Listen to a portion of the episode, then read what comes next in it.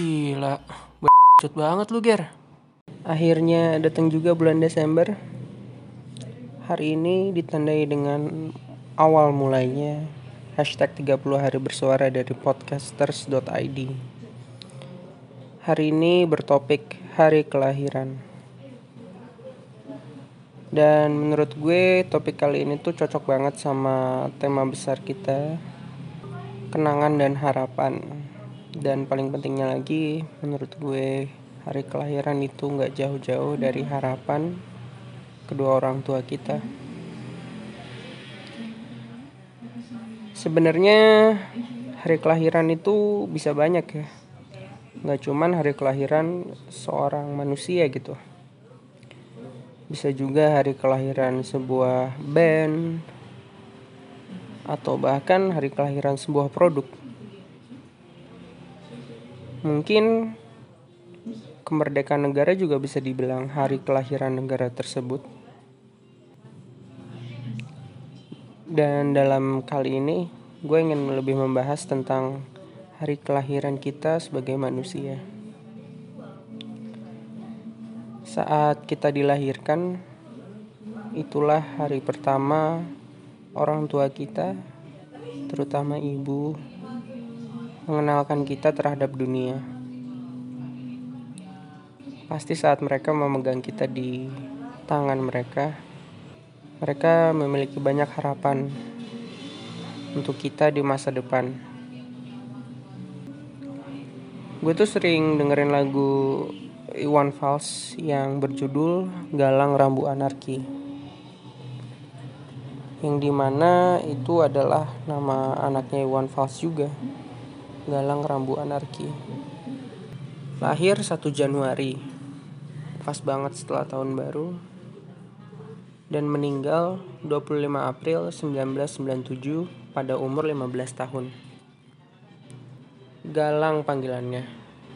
Dia meninggal pada 1997 ditemukan tak bernyawa dalam kamarnya. Dan media mencurigai bahwa Galang meninggal karena overdosis karena memang dia pernah menggunakan narkotika dan menjadi pecandu. Nah, kenapa gue selalu sedih setiap denger lagu itu?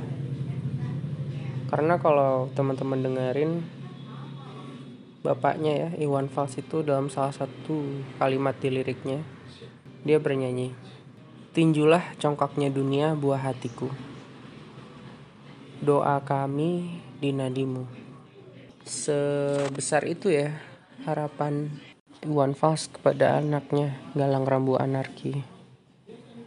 Yang sayangnya dia menutup usianya yang sangat muda. Yang ingin gue highlight adalah bagaimana seorang orang tua ibu dan bapak menyimpan harapan besar untuk anaknya meninju congkaknya dunia dan disertai doa-doa di dalam nadinya.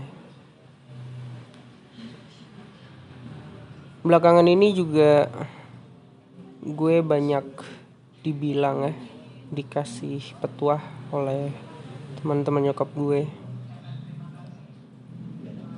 pegang satu prinsip yaitu minta doa kepada ibumu karena doa pada ibu itu benar-benar mujarab benar-benar magis. Ada orang yang meminta mobil gitu mobil Fortuner kepada ibunya. Beliau bilang bu doain aku dong aku pengen mobil Fortuner nih. Nggak taunya dua bulan kemudian orang ini dikasih Fortuner sama kantornya jadi dua ibu itu emang bener-bener mujarab ya. Bahkan dalam cerita Islam gitu Nabi Muhammad kan bilang kan sayangilah ibumu sampai tiga kali. Ibumu ibumu ibumu lalu bapakmu bapakmu. Ya karena gimana? Mungkin seorang ibu itu mempunyai ikatan batin yang sangat erat kepada anaknya karena kita sebagai anak kecil 9 bulan di dalam perut ibu kita. Kebayang gak sih? 9 bulan kita ngerepotin ibu kita.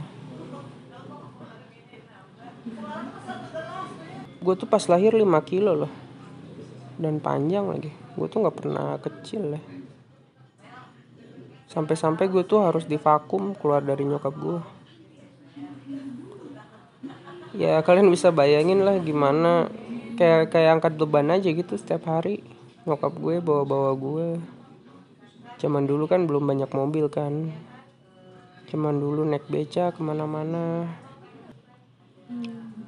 Dan peran seorang ayah juga tidak luput dari hari kelahiran kita siapa yang support ibu kita di ruang persalinan? Tak lain dan tidak bukan adalah itu. Benar. Ayah kita. Kalian pernah gak sih pas dulu zamannya pramuka zaman SD gitu atau SMP kalian pramuka atau LDK OSIS gitu ya dikumpulin di satu ruangan terus ruangan itu gelap diputer lagu bunda kan? Ku buka album biru. Mungkin zaman dulu kita masih bisa ketawa-ketawa ya. Ya mungkin oke okay lah banyak yang nangis. Tapi banyak juga dari kita yang ngerasa apa sih ini? Kok kayak gini banget sih? Tapi semakin dewasanya gue semakin ngerti gitu bahwa peran orang tua itu sangatlah penting di hidup gue. Sebenarnya ini topik kelahiran hari lahir tapi gue ngebahasnya orang tua. Ya nggak apa-apa lah. Ya udah mungkin segitu aja untuk podcast pertama ini. Dan juga gue mau mengingatkan bagi para pendengar yang ingin ikut dalam challenge ini di podcast gue gampang ya kalian tinggal lihat ada topik apa aja yang ditawarkan oleh podcasters.id tinggal pilih satu topik terus DM gue aja. Nah nanti kita bisa omongin teknisnya gimana. Sebenarnya ini kesempatan bagus buat kalian loh. Karena gue udah ada platformnya gue udah tahu teknisnya. Ya kalian tinggal ikutin aja.